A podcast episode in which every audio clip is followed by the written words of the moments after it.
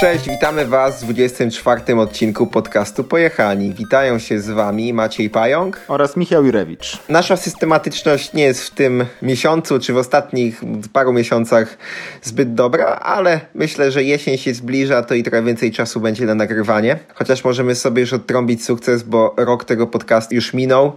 Jakoś w ostatnim czy przedostatnim odcinku więc lecimy dalej z koksem.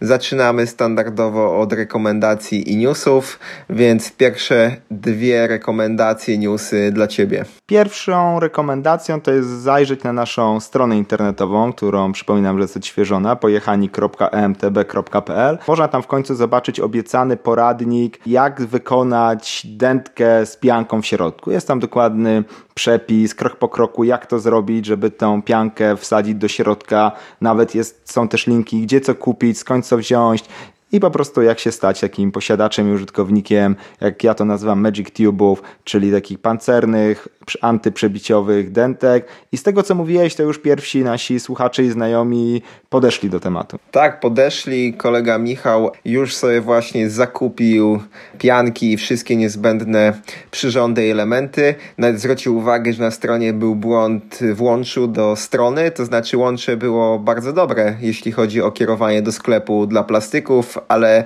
sam podpis tego łącza był jakiś tam jedna literówka była, więc, więc już poprawione dla, dla tych dokładnych już nie będzie w oczy kło. A tutaj też polecamy dobrać się że pary albo w ekipy, bo przez to, że trzeba tej pianki kupić 2 metry długości i metr szerokości, to najczęściej tych nudli do środka wychodzi więcej niż na dwa rowery na przykład, więc zawsze można się dobrać dwie, trzy osoby, taką piankę sobie zakupić wspólnie.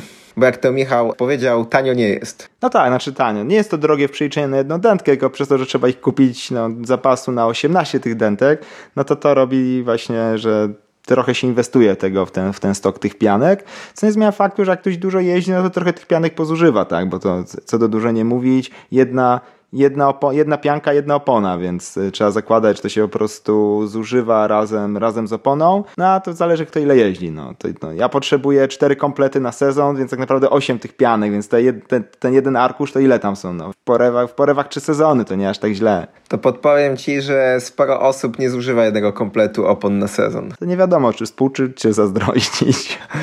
Spójrzmy na to dosłowne milczenia. Okej. Okay. Więc tak, przepis na dętkę z pianką już jest. E, krok po kroku, wszystko wyjaśnione. Z tego, co pisali do nas słuchacze, bardzo mi się podoba ten poradnik, bo rzeczywiście każdy kolejny element jest wyjaśniony, co jak włożyć. Nie dostaliśmy jeszcze zdjęć ani informacji pierwszych testów, ale ja mogę powiedzieć, że tak po półtora miesiąca jestem bardzo zadowolony. Po prostu no, średnia ilość kapci rzeczywiście spadła, to znaczy no, nie miałem jeszcze kapcia przez dobicie. No, to, to tyle w tym temacie. Od razu lecę z drugą rekomendacją. To jest taka rekomendacja, jakby ktoś chciał sobie powspominać stare czasy w MTB, albo jeśli nie zna starych czasów w MTB i chce sobie zobaczyć, jak to kiedyś wyglądało, od jakiegoś czasu jest dostępny film rowerowy Chainsmoke na YouTubie. Tak, zupełnie legalnie jest, jest wrzucony i można sobie po prostu obejrzeć. Bardzo taką oldschoolową produkcję prekursora wszystkich crankedów, disorderów, follow me i innych takich warto zerknąć, choćby żeby przeskrolować. Nawet jakby on tam, wiadomo, jak taki pełny metraż rowerowy, 45 minut, ale nawet jeśli to przeskrolować w 3, to i tak dla paru tych kadrów oldschoolowego MTB warto sobie po prostu zerknąć i zobaczyć, bo tak naprawdę film straszny gniot z perspektywy czasu, no ale to no, miał swoje miejsce w swoim czasie, tak, wyznaczył jakąś tam pewną epokę e, w tego typu sick editach rowerowych, zanim w ogóle cały ruch sick editów powstał, więc no, warto zobaczyć i tyle. Disorderek kojarzę, ale Chainsmoke nie, więc chętnie sam zobaczę. No to wiesz, to jest takie retro. Nawet jeżeli trzeba będzie scrollować to link oczywiście w notatkach do odcinka. Przechodzimy do trzeciej rekomendacji, w zasadzie takiego bardziej newsa niż rekomendacji. Przez to, że w Bielsku Białej jesteśmy co najmniej raz w miesiącu na, jak ja to nazywam, występach gościnnych, czyli na szkoleniach Wiedź w teren.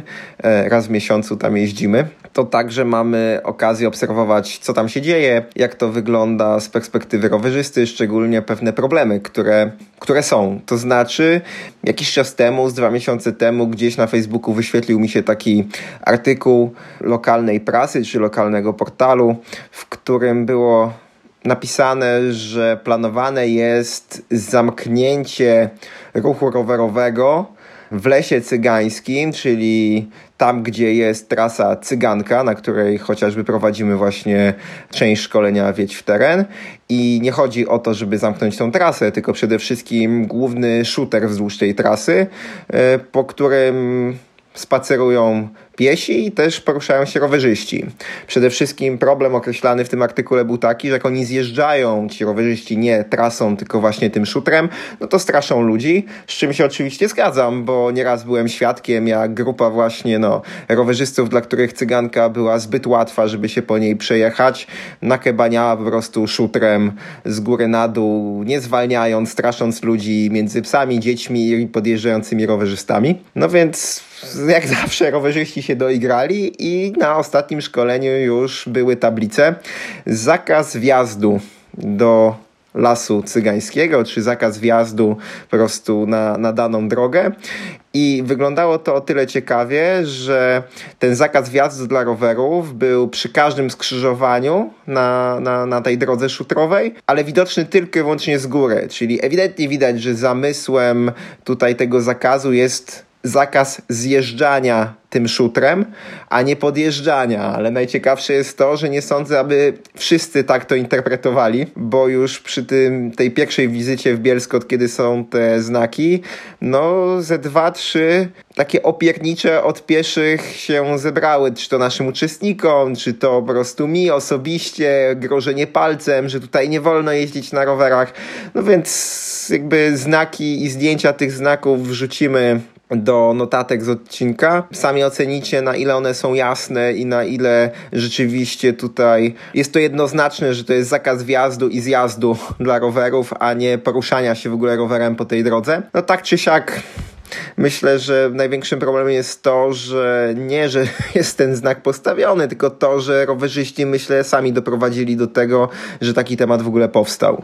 Bo nie sądzę, szczerze mówiąc, że gdyby rowerzyści się że tak wyrażę, kulturalnie zachowywali na takiej drodze, nie straszyli pieszych, żeby w ogóle komukolwiek przyszło do głowy, aby ograniczać ten ruch w którąkolwiek ze stron. Ja nie wiem, za bardzo się z tym nie zgadzam, z tym optymistycznym stwierdzeniem, no bo jak Bielsko pokazuje, rzeczywiście rowerzyści zaczęli grać ostro, ale nie tylko swoim zachowaniem, ale po prostu też ograniczaniem wstępu pieszych i tak dalej, no to wiadomo, że no, jak komuś się ogranicza dostęp, to ten ktoś też się zamyka w swoim własnym sosie, więc tutaj to jest raczej eskalacja czegoś, co trwa od początku powstania tych, tych tras i zastanawiam się tak w tym całym bezsensownym rozwiązaniu, czy w takim razie na każdym stromszym odcinku innej drogi publicznej w Bielsku też prowadzili zakazy jazdy rowerem w dół. Nie jestem w stanie odpowiedzieć na to pytanie, bo nie wiem jak wygląda na, na każdym innym stromszym odcinku. Mogę się tylko domyślać, że w obrębie Błoni i Cygańskiego Lasu jest to jedyny odcinek, na którym zakazali poruszanie się czy wjeżdżanie rowerem,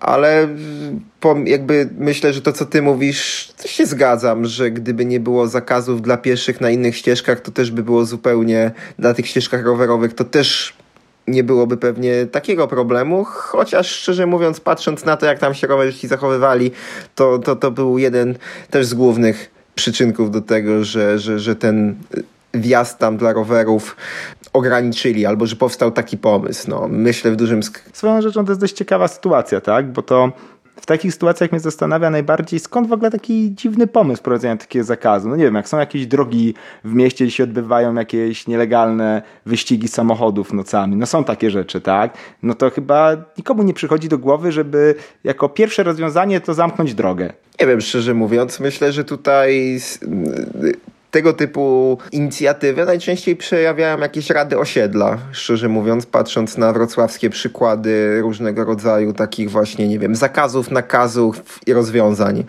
To z miejskich klimatów wiem, że to tego typu inicjatywy najczęściej przejawiają właśnie rady osiedla i tego typu mm, organizacje. Bardzo dziwny jest to mechanizm, tak, że mają tutaj sytuację y, z jakimś problemem, to go po prostu rozwiązać w ten, w ten sposób, tak, że to, no nie wiem, no nie wyobrażam sobie, żeby na przykład jakąś drogę, obwodnicę miasta zamknąć głównie dlatego, że było tam dużo piratów drogowych, tak, ściga się piratów drogowych, albo wprowadza się jakieś ograniczenie uniemożliwiające, albo mocno utrudniające rozwijanie nadmiernej prędkości, a zakaz to jest jakaś już no, stateczność, a w przypadku ograniczania ruchu rowerowego to zawsze jest to pierwsza rzecz, tak? Albo nawet, nawet można to trochę sobie rozszerzyć tak naprawdę. To nie jest tylko kwestia ruchu rowerowego, bo to jest tak naprawdę też innych form rekreacji, e, bo to też działa w tą stronę, że właśnie wprowadza się zakaz pieszych na trasach rowerowych, tak? Więc to bardzo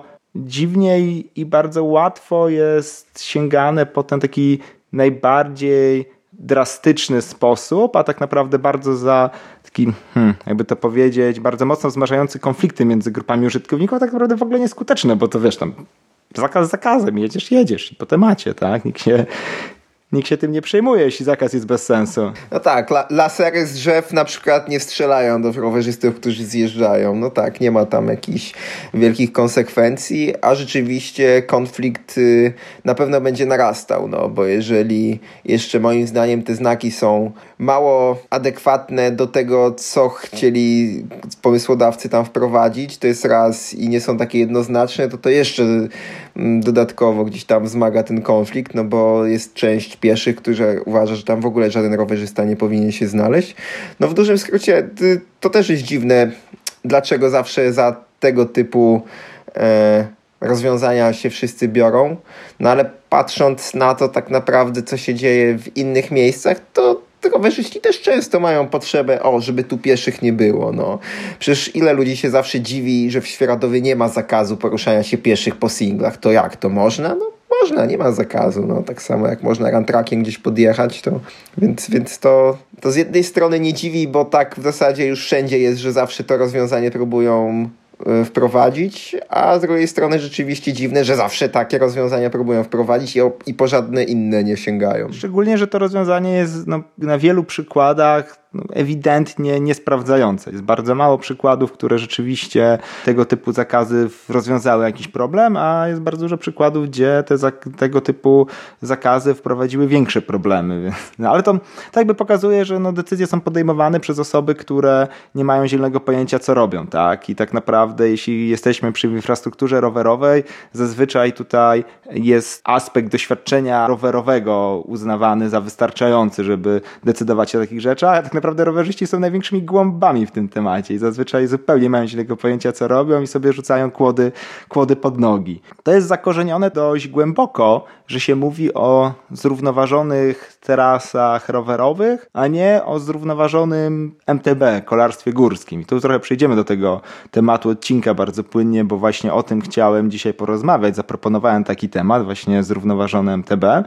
I to jest coś, co było jakimś takim niedawnym, sporym odkryciem dla mnie, że jak sobie uświadomiłem, że rzeczywiście dużo się mówi o zrównoważonych trasach rowerowych. Imba bardzo mocno promuje zrównoważone trasy MTB, Imba Europe, organizacje w ramach Imby Europe.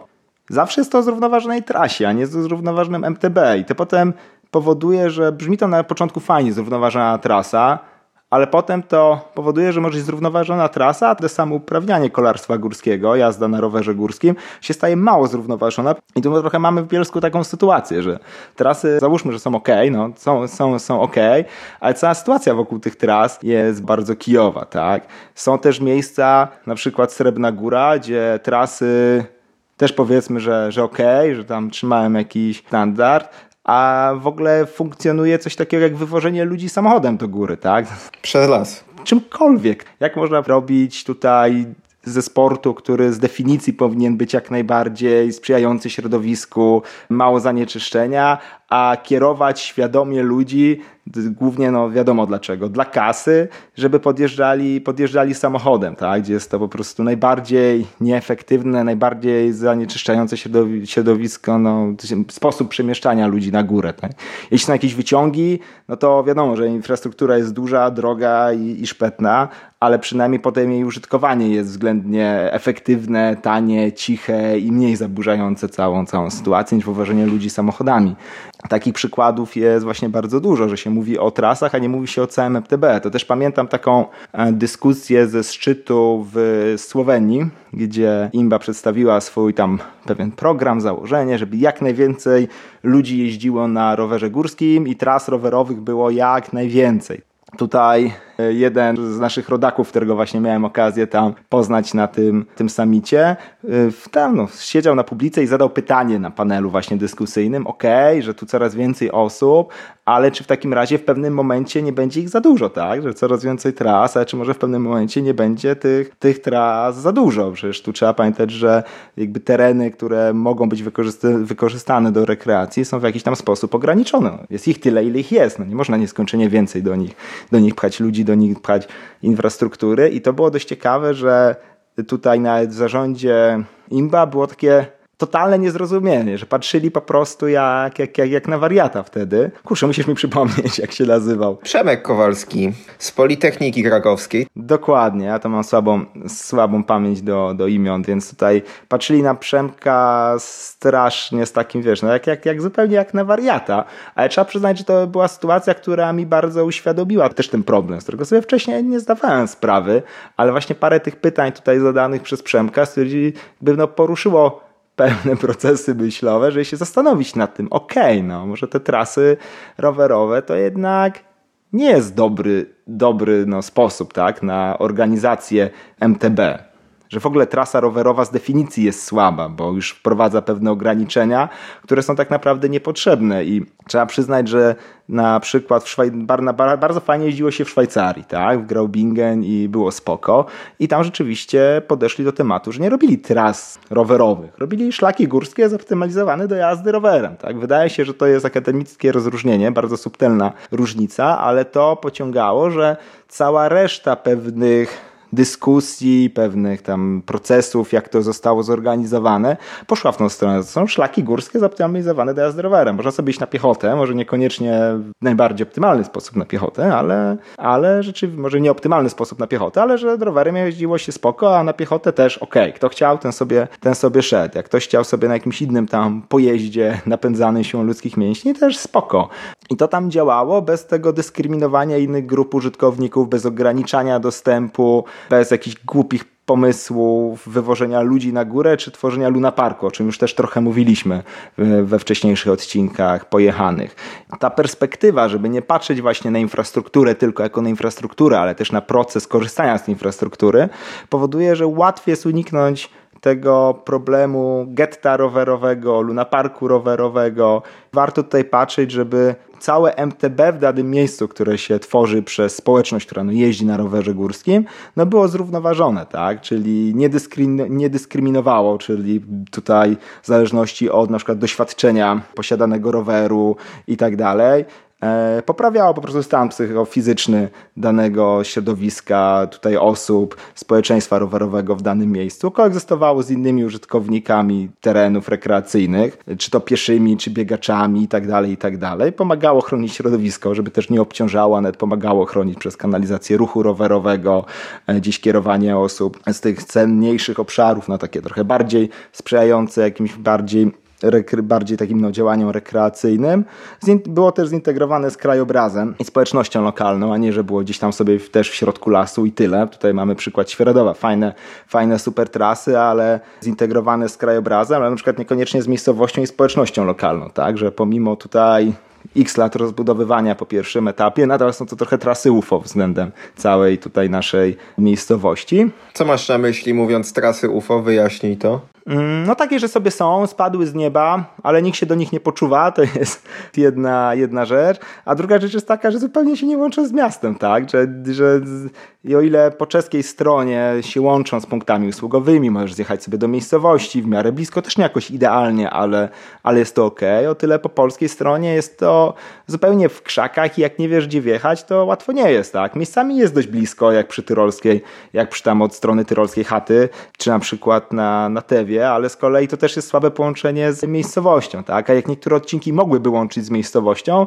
to nagle skręcają zupełnie w inną stronę albo jadą nie w tym kierunku, więc widać, że tutaj coś zupełnie nie łapie ogaru, co jest dość ciekawe, bo takie połączenie z miejscowością i z, lok- i z lokalami usługowymi wydawałoby się, że to powinno być numer jeden dla tutaj włodarzy lokalnych, bo to jest coś, co napędza gospodarkę, tak? To przynosi hajs. Jeśli ludzie są w stanie łatwo na te trasy wjechać i łatwo zjechać i gdzie wydać ten pieniądz już potem w jakichś punktach usługowych, to to lepiej działa. Przepraszam, a gdzie jest zajęcznik?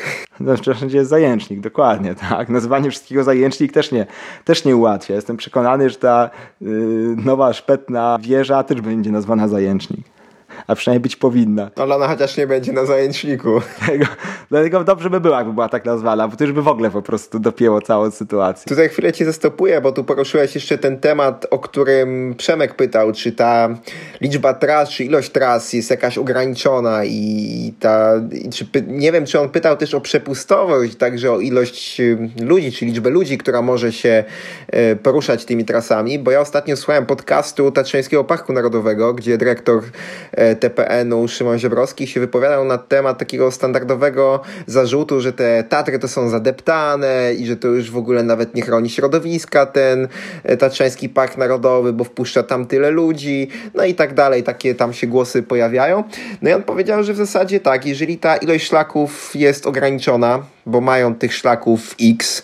One są utrzymywane i ludzie stosują się do tego przepisu, w którym należy poruszać się po szlakach na terenie Parku Narodowego. To on nie widzi większego znaczenia, czy tych ludzi tam będzie e, rocznie 2 czy 3 miliony, więc oni będą i tak o podobnych porach wszyscy, więc ta antropopresja, ten hałas, to ich poruszanie się jest i tak skupione na najczęściej na jednej porze dnia, najczęściej jest to i tak wszystko w miejscu, gdzie i tak ten ruch jest. I on na przykład pokazuje, jakby no przeciwstawił się takiemu jakby trendowi, aby ograniczyć możliwości wejścia do parku, właśnie tłumacząc, że, że już nie ma większego znaczenia ta liczba osób, że dużo większe znaczenie ma to, żeby ta niezależnie od ilości osób czy liczby osób po prostu przestrzegać tych przepisów, nakazów, które tam są w Parku Narodowym, więc yy, odnośnie tras rowerowych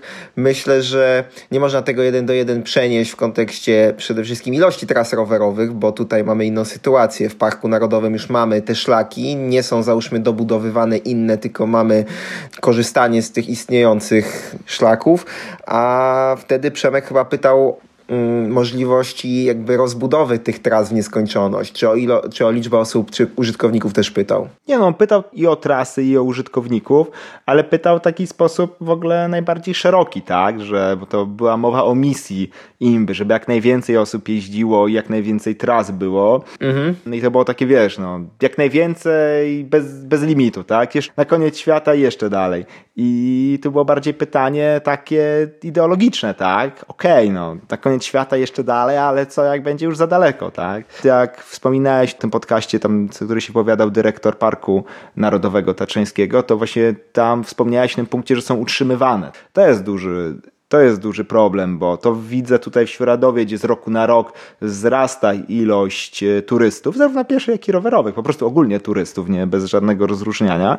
I widać w pewnych miejscach, że jak jest tych osób więcej, to po prostu to gorzej wygląda. Nawet jeśli dla ekosystemu może to już nie robi wielkiej, e, wielkiej różnicy, czy jest na przykład więcej czy mniej tam, nie wiem, śmieci w jakimś danym, danym miejscu, tak, na przykład na, na parkingu na Tewie, może tam już czy ich tam jest 500 kilo czy 3 tony, to, to, to już nie jest to aż taka różnica, ale w ciągu roku, ale już po prostu wygląda gorzej, tak, że jest to obciążenie choćby samego, e, samego krajobrazu, a owszem, można to załatwić w jakiś tam sposób pewnie utrzymaniem, więc tylko, że to utrzymanie wtedy no, jest coraz trudniejsze z większą ilością osób, no i w pewnym momencie trzeba gdzieś tam, wiesz, no, wyważyć, na ile można sobie pozwolić. I warto tutaj właśnie pamiętać o tym, że za dużo to też niedobrze. Że bardziej kwestia, że bardziej to jest kwestia jakości i wykorzystania tych naszych ograniczonych zasobów, choćby na utrzymanie, tak? Jeśli na przykład w danym miejscu, no najczęściej jakaś gmina ma na przykład zdolności utrzymania 100 km tras, to jeśli teraz na te 100 km jakiejś tam no, infrastruktury ścieżkowej na terenach zielonych będzie 30 mm, spacerowych, 30 biegowych, 30 rowerowych i 10 konnych, no to każdy będzie miał tak naprawdę stosunkowo mało tych tras, tak? A jeśli każdy będzie mógł skorzystać ze 100 km, to już będzie miał całkiem sporo, więc tutaj właśnie chodzi o to, żeby nie ograniczać, a starać się koegzystować z wspólnie z innymi, tak? I tutaj po prostu rowerzyści mają tutaj dużo do nauczenia się. Co prawda sami reprezentujemy to, to, to, to środowisko, ale właśnie przez to widzimy, że to środowisko jest tempe jak but zazwyczaj. To moja trasa i, i tylko moja i tylko rowerem można, można, jeździć. I to jest bardzo złe nastawienie, bo powoduje, że potem mamy coraz mniej do jeżdżenia, tak? I coraz więcej się pojawia zakazów, bo jak my nie będziemy koegzystować, to nikt nie będzie chciał z nami koegzystować, tak? I to są, to są te problemy i tutaj warto właśnie do tego podejść.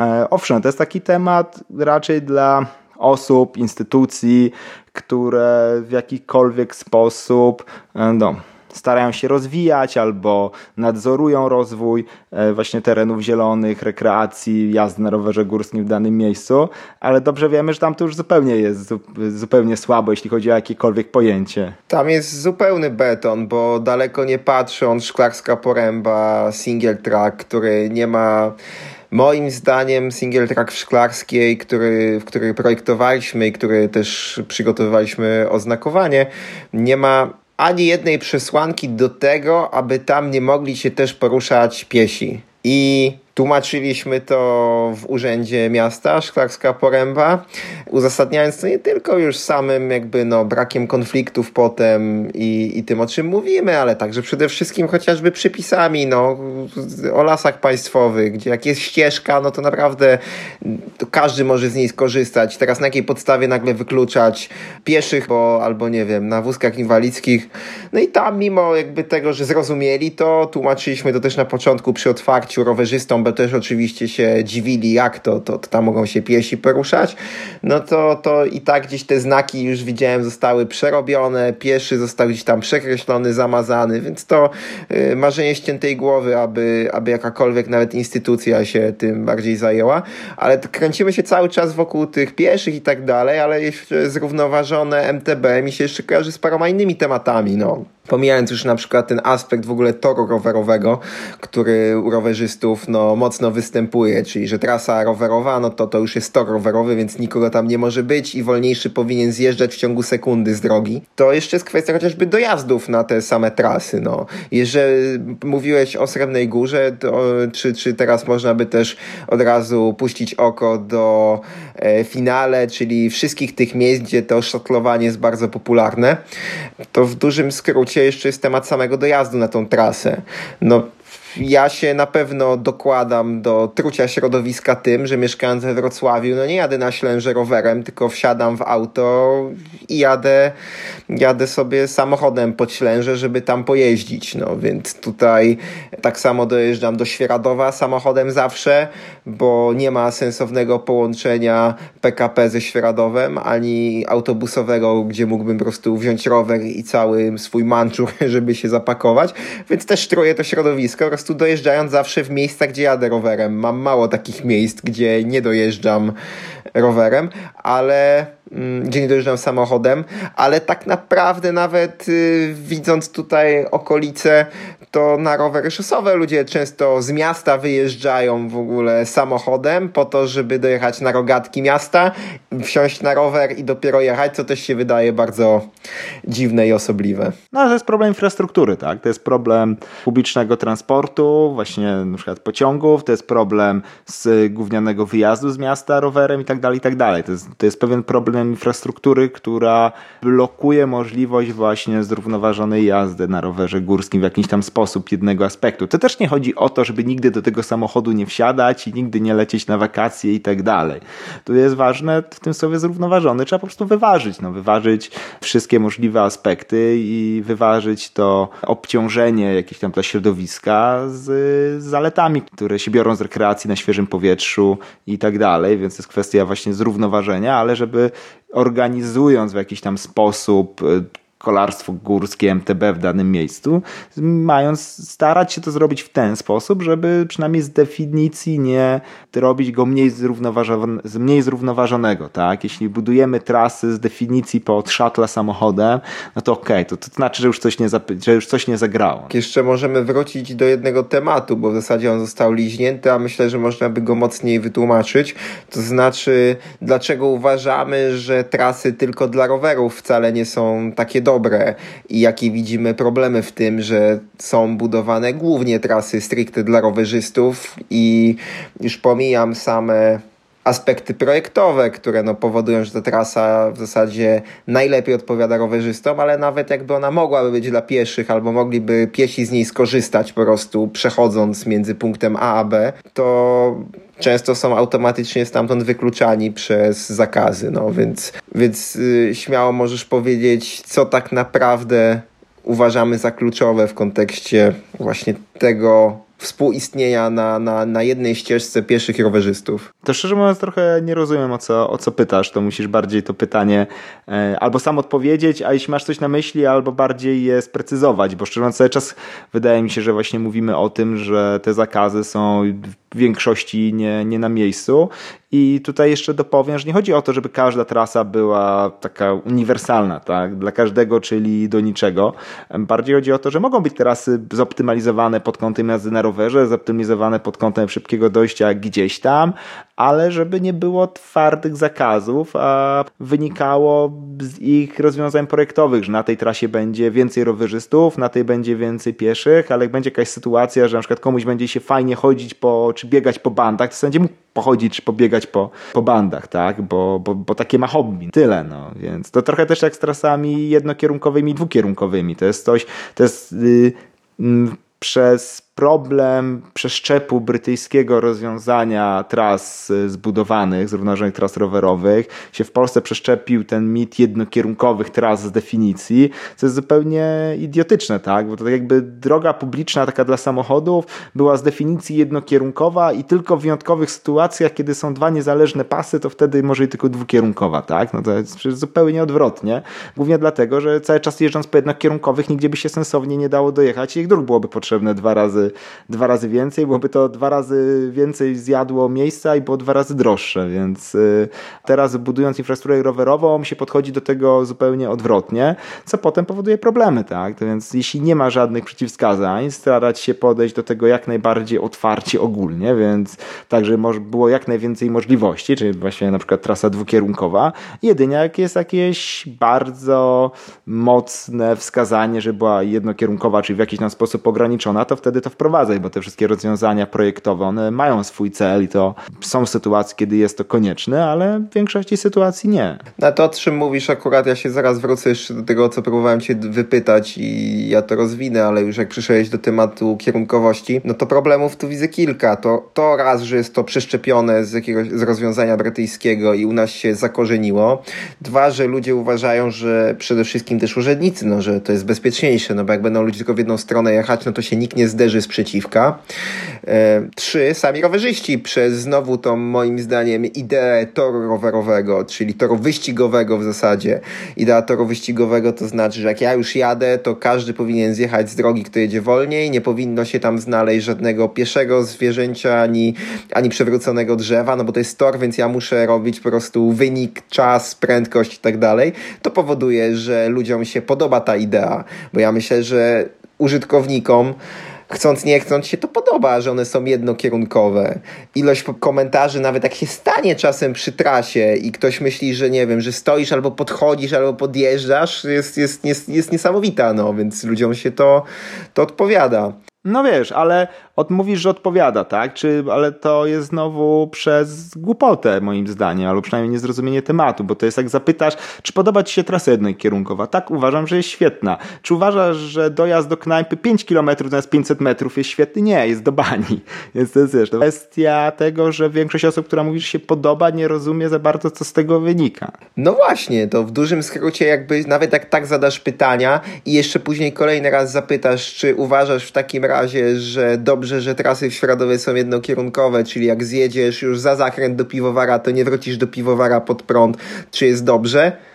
Tak, w zasadzie myślę, że, że, że tak. Myślę, że te odpowiedzi takie będą, że uważają ludzie, że i tak jest dobrze, no. Bo jest jednokierunkowa, bezpiecznie, nikt ci nie wyjdzie, a przynajmniej ludzie mają takie wrażenie i żyją w takim przeświadczeniu, no.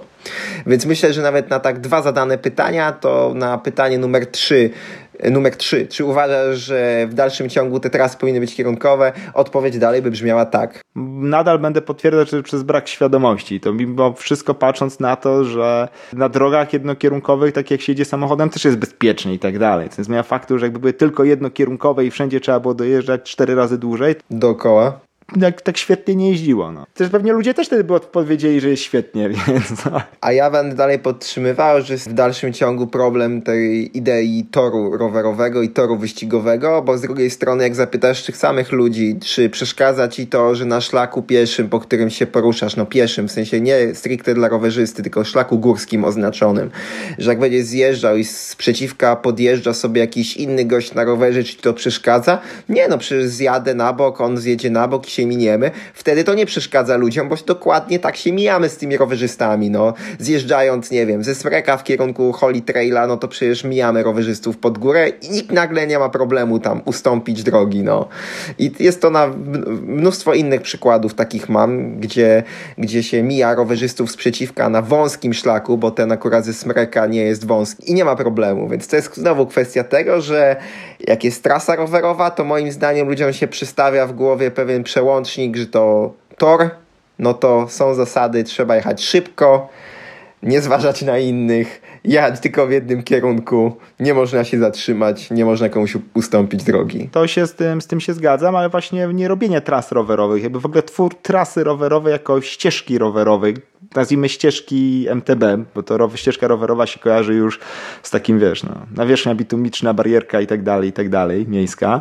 Użyjmy po prostu ścieżki MTB. Jakby w ogóle nie było ścieżek MTB, byłyby tylko trasy wycieczkowe, w sensie jako propozycja układu ścieżek, przez które przejeżdżamy, to by nie było tego problemu, tak? Jakby w ogóle nie istniały szlaki piesze, nie istniały trasy rowerowe i tak dalej, i tak dalej. Tylko były górskie, górskie ścieżki, w sensie takie zupełnie, no, po prostu jako dukty do, do, do przemieszczania się wąskie, a mogły być na nich oczywiście oznaczone albo nieoznaczone, to już jest osobna dyskusja, propozycje wycieczek, to, to by to działało, tak? Problem jest taki, kiedy wchodzimy właśnie do dedykowanej infrastruktury, która nie jest tylko i wyłącznie warstwą propozycji wycieczki. I wtedy robi się ten e, największy problem, bo ideologicznie, jak tak spojrzeć, no wybudowali tutaj specjalną, specjalną ścieżkę do jazdy rowerem. No to już jest bardzo blisko do toru, tak? To przedstawia pewną klapkę w głowie, pewien przełącznik, że e, to już jest tor rowerowy. Jakby tego w ogóle nie było, to by było dużo, dużo łatwiej kreować tą świadomość ogólnego dostępu i koegzystencji Dlatego e, właśnie jakiś tam czas temu stwierdziłem, że trasy rowerowe, jakby takie no, budowanie ścieżki rowerowej nie ma zupełnie najmniejszego sensu, poza bardzo specyficznymi sytuacjami. Tak. No zdefiniuj te sytuacje, jakieś przykłady. Bardzo duży ruch, zagęszczenie, gdzie rzeczywiście może się pojawić konieczność odseparowania tego ruchu. No, Szwajcarzy mają do tego specjalne narzędzie, tysiąc magr w Excelu i 50 arkuszy, w które wpisują obciążenie szlaku, atrakcyjność, coś tam, coś tam, jakiś tam, wiesz, no, milion parametrów i potem komputer liczy tam ułamek sekundy i wyświetla, tak?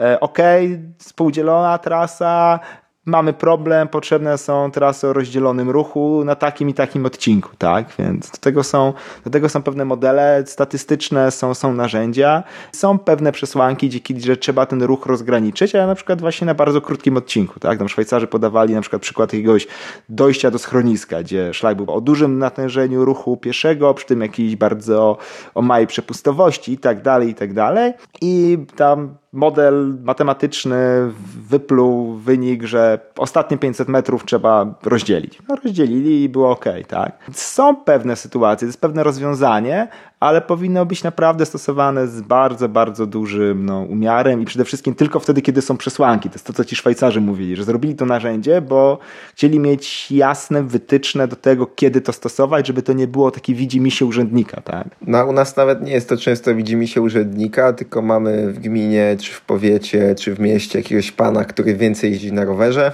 I on jest tym głównym konsultantem. I on się najczęściej najmniej zna, więc, więc, więc tak to wygląda.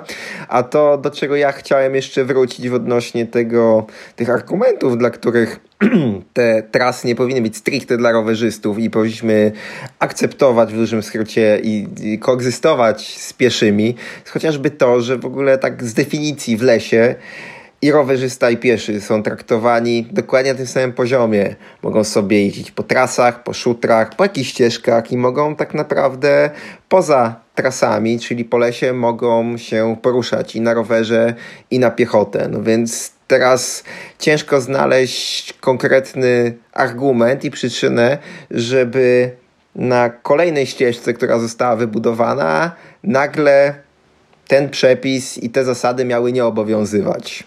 Nikomu to nie przeszkadza podczas e, administrowania trasami, aby nagle ten porządek prawny, który jest od wielu lat, nagle złamać i w sumie uważam, że tutaj nie powinno być pieszych. Jeb, zakaz wejścia pieszych, no więc to jest... Co w ogóle jest kuriozalne, bo te trasy budowane się lepiej nadają ko do koegzystencji, bo większość z nich e, jednak no, spowalnia rowerzystów w znaczący sposób w porównaniu do tras tych bardziej naturalnych, istniejących w danym miejscu. No tak, dokładnie. Są, są bardziej oczyszczone e, linie widoczności i tak dalej, i tak dalej. Więc to tym bardziej robi bardzo dziwną sytuację. No tak, rzadko te trasy są jakąś takim mocnym powerem w dół, kilkanaście procent przez długi odcinek, gdzie ci rowerzyści rzeczywiście mogą osiągać zawrotne prędkości. Wręcz przeciwnie, no, subiektywne odczucie prędkości rowerzysty jest duże, ale tak naprawdę on najczęściej porusza się prędkością no, biegacza. Średnia prędkość w ogóle z całej trasy to jest, nie wiem, 10 na godzinę, czyli jakby ktoś truchtał sobie, a na jakichś tam krótkich odcinkach jest, są są, są ciut wyższe prędkości, no ale do cholery jasnej mamy hamulce, no. Da się zwolnić. I, i, i, i chyba niektórzy o tym zapominają. I takie jeszcze mm, z takich przykładów, gdzie jest to bardzo niepokojące moim zdaniem, a gdzie lubię jeździć, to są głuchołazy, które opisywaliśmy u nas na stronie, na pomba.pl. E, dobudowali tam przy przełomie zeszłego roku i początku tego roku jeszcze jedno piętro tras, czyli z całej tej górki w Głuchołazach można już zjechać z samego szczytu do, do, do samego dołu, do podstawy, takimi trasami, które, które są, no, zaliczają na pewno się do, e, w kontekście projektowym, jakichś nachyleń innych elementów do zrównoważonych tras rowerowych, no oprócz właśnie tym, że są tam wszędzie informacje, zakaz poruszania się pieszych. I jak kiedyś tam przeczytałem, uwaga, uwaga taka do pieszego, pierwszego, że turysto pieszy, nie wchodź na tą trasę, rowerzyści poruszają się tu w zawrotną prędkością, ryzykujesz swoim i czyimś zdrowiem. No to jak to przeczytałem, to się nakryłem nogami, no. Więc y, ja rozumiem, że to jest, no owszem, jest to w parku, ale tych pieszych jest tam jak na lekarstwo. Ile razy tam nie byłem, to, to, to, to tych pieszych jest tam jak na lekarstwo. Druga rzecz, że ta trasa ma bardzo piętrowy charakter, ale taki, no już jakby nie znam drugiej takiej trasy, oprócz może Twistera w dolnej części, która ma tak piętrowy charakter, czyli jak pieszy tam wejdzie, to jemu się po prostu nie będzie chciało podchodzić tą trasą, która co 100 metrów zmienia kierunek o 180 stopni i chodzić takimi piętrami. Pieszy będzie szedł sobie gdzieś tam na skrót z punktu A do B, więc po prostu i nawet jak tam jakiś pieszy będzie, no to Widoczność jest tam dobra na tej trasie. Da się zwolnić, da się ostrzec, że się jedzie. Często ci piesi wchodzący na te trasy, no to widzą, że to jest jakaś inna ścieżka niż standardowa. Więc oni sobie tam wchodzą po to, żeby poglądać tych rowerzystów. I jak jedzie rowerzysta, to oni najczęściej schodzą, jeszcze biją brawo, no, w dużym skrócie. Więc, yy, a argument czasem rowerzystów, no tak, ale tam rodzina z dziećmi wejdzie i z wózkiem, no to raz wejdzie, zobaczy, że to mało przyjemne miejsce do spacerowania, to za chwilę zejdzie, no. A ty jak raz sobie zwolnisz, to też nie jest problem, ale, ale jednak jest. No i ja tego nie jestem w stanie pojąć, dlaczego aż tak mocno po prostu wszyscy rowerzyści, niemalże wszyscy mają ochotę oddzielać tych, tych pieszych. No, Głuchołazy to jest drastyczny przykład. No, ewidentnie siano w głowie komu ktoś ma, kto to wymyślił. Bo to, to, to jest to już najbardziej drastyczny przypadek, bo jeszcze właśnie te komentarze, te znaki, jeszcze cała sytuacja, że tam tak naprawdę prawie nikogo nie ma i ta jeszcze trasa jest tak beznadziejnie piętrowa i tak dalej, i tak dalej, więc to tam to połączenie już jest w ogóle totalnie bezsensowne. Beznadziejnie piętrowa masz na myśli po prostu jakby jeszcze odnośnie tych pieszych, czy w ogóle po prostu nie lubisz? Nie, ty nie lubisz piętrowych. O, to, to bardziej mi chodziło o tym, że odnośnie tych pieszych, tak, że tego pieszego jest po prostu widać, rowerzystę widać w ogóle z trzech pięter i trzy minuty się dojeżdża tak naprawdę, jakbyś tam kogoś zobaczył. To w tym kontekście mówiłem, co nie zmienia faktu, że też jej wystawiam niską notę za tą piętrowość. Tutaj inwazyjność zagospodarowania terenu, ale to jest inny temat. No to jest inny temat. Tam z tego co wiem też mieli jakby mocno ograniczony pasek terenu, który, który mogli zagospodarować i tak dalej, więc już tam... To jest kolejna rzecz. Jak mamy słaby teren, to go nie gospodarujmy tak. A to już jakby wchodzimy do tematu gdzieś tam projektowych i tego pomysłu na trasę, no, o których rozmawialiśmy w poprzednich odcinkach. No ale jak już są tego typu rzeczy, to nie uprawniają one znowu do popełnienia kolejnych błędów. No. Dokładnie, bo to okej, okay, trasa piętrowa porządku. Ona nie jest aż tak drastycznie w kraju, aż tak nie, nie niszczy krajobrazu, no więc to by tam przeszło. No powiedzmy, że jakiś tam lekki, lekki minus, ale okej, okay, ale właśnie w połączeniu jeszcze z tymi znakami i, i wyłączeniu pieszych, no to już domyka temat. No, więc w sumie z tego tematu to wyszedł nam taki dobry zbiór lekkiego hejtu, bym powiedział, na parę miejscówek i przede wszystkim na rowerzystów i, i pewne podejście rowerzystów do jazdy na rowerze, więc... Yy no niech każdy sobie zrobi rachunek sumienia, tak powiem, czy, czy, czy rzeczywiście to jest taki problem spotkać pieszego na trasie. No, no, to też warto po, pomyśleć w drugą stronę, tak, że wyobraźmy sobie sytuację, gdzie rzeczywiście będzie jak w Austrii, gdzie można tylko i wyłącznie wjechać tam, gdzie jest ścieżka rowerowa, tak? Ile nam zostanie do dojazdu? Tak naprawdę niewiele i wtedy trzeba będzie wszędzie dojechać samochodem, bo nie będzie się dało nigdzie jeździć, tak? I co by nie patrzeć, obecne nastroje e, w środowisku rowerowym bardzo mocno idą w tą, w tą stronę, takie e, przez to właśnie, że każda, że trasa rowerowa tylko dla rowerzystów, że jednokierunkowe i tak dalej, i tak dalej. W końcu to może przeważyć tą naszą sytuację prawną, jaką teraz mamy i pójdzie to w tą stronę, że rowery tylko na specjalnych torach rowerowych. No i to nie jest nic odosobnionego, bo, bo to są, są kraje, które mają taką sytuację od x lat i cały czas sobie próbują ją zmienić, żeby to wyglądało tak jak w Polsce. I tu mam właśnie na myśli Austrię, mam tutaj na myśli Słowenię i parę innych europejskich krajów, które starają się mieć tak fajnie jak my, a, a u nas trochę się, bo to głównie o środowisku rowerowym mówię, o samych rowerzystach, a, na, a u nas sami rowerzyści jak tacy lekko, lekko masochiści, tak? Chcieliby mieć, chcieliby mieć gorzej.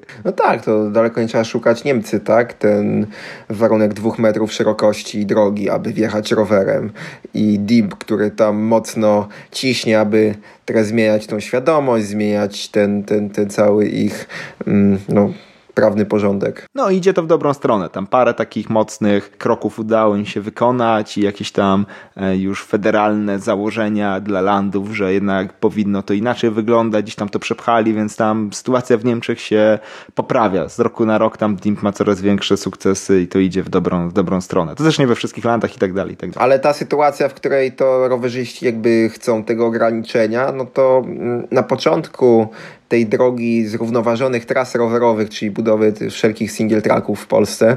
Chwilę po tym, jak wybudowano je w Świeradowie, to już na forach się pojawiały rowerowych takie głosy.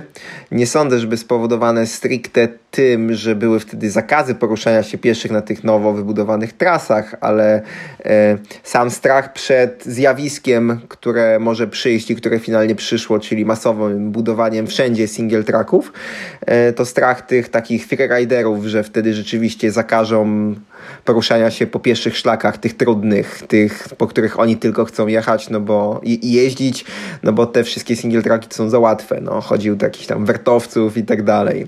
To pamiętam właśnie gdzieś jeszcze z forum EMTB takie głosy, no, że wszystko spoko, tylko żeby się nie okazało, że za paręnaście lat już nie będzie można po zwykłych szlakach jeździć, bo i zostaną tylko single tracki. Ja to jest przeszczep amerykań, z amerykańskiej sytuacji, tak? gdzie są te głosy, gdzie właśnie zamieniono jakiś taki bardziej naturalny fragment trasy, e, trudniejszej, oczywiście zerodowanej, obciąża środow- obciążające środowisko i tak dalej, i tak dalej, na jakiegoś tam płynnego, gładkiego, nowego single tracka łatwego.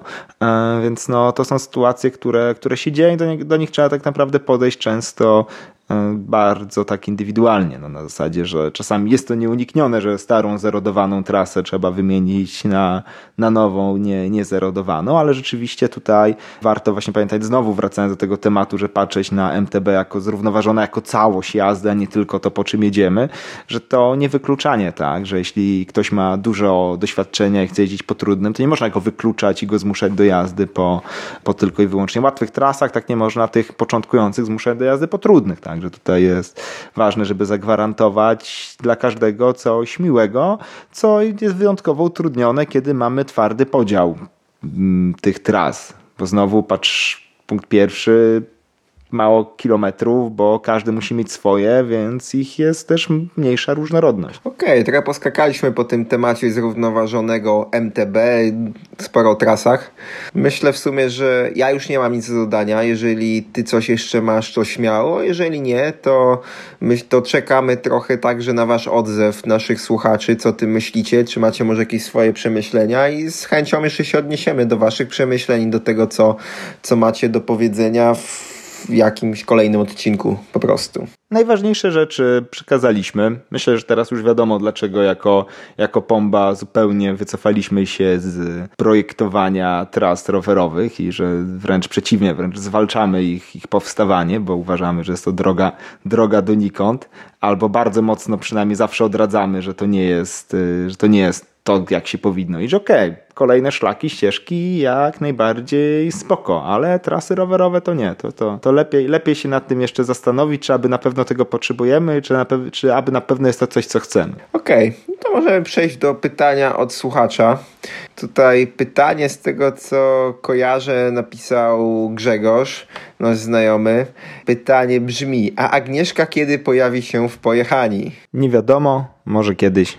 Koniec pytania od słuchacza, koniec odpowiedzi. Jakieś uzasadnienie, Michał, dłuższe? Jak... No, Agnieszka powiedziała, że jak będą ciekawe pytania do niej, to wtedy się zastanowi nad wystąpieniem w podcaście. Pytania od słuchacza zakończyliśmy. Jeszcze tak szybkiego i krótkiego pytania oraz odpowiedzi nie było. No dobra, myślę, że zbliżyliśmy się tym samym do końca naszego odcinka. Liczyłem trochę, że Agnieszka mocniej uzasadniła swoją odpowiedź, albo ty coś dodasz, a jak nie, nie będę naciskał. Więc w dużym skrócie, jak zawsze, czekamy na Wasze komentarze pod naszym podcastem, czy to na iTunes, czy wysłane do nas prywatnie, mailowo, jakkolwiek. Oczywiście możecie nas znaleźć na Twitterze jako pojechani i na Facebooku jako podcast Pojechali, Michała na Twitterze e, at Michał Jurewicz, mnie na Twitterze małpa pająk EMTB i na Facebooku jako Maciej Pająk. I w dużym skrócie, jak zawsze, jeżeli nie siedzicie teraz na rowerze, nie pedałujecie, to weźcie rower i idźcie pojeździć. Do zobaczenia na trasie. Na razie, cześć.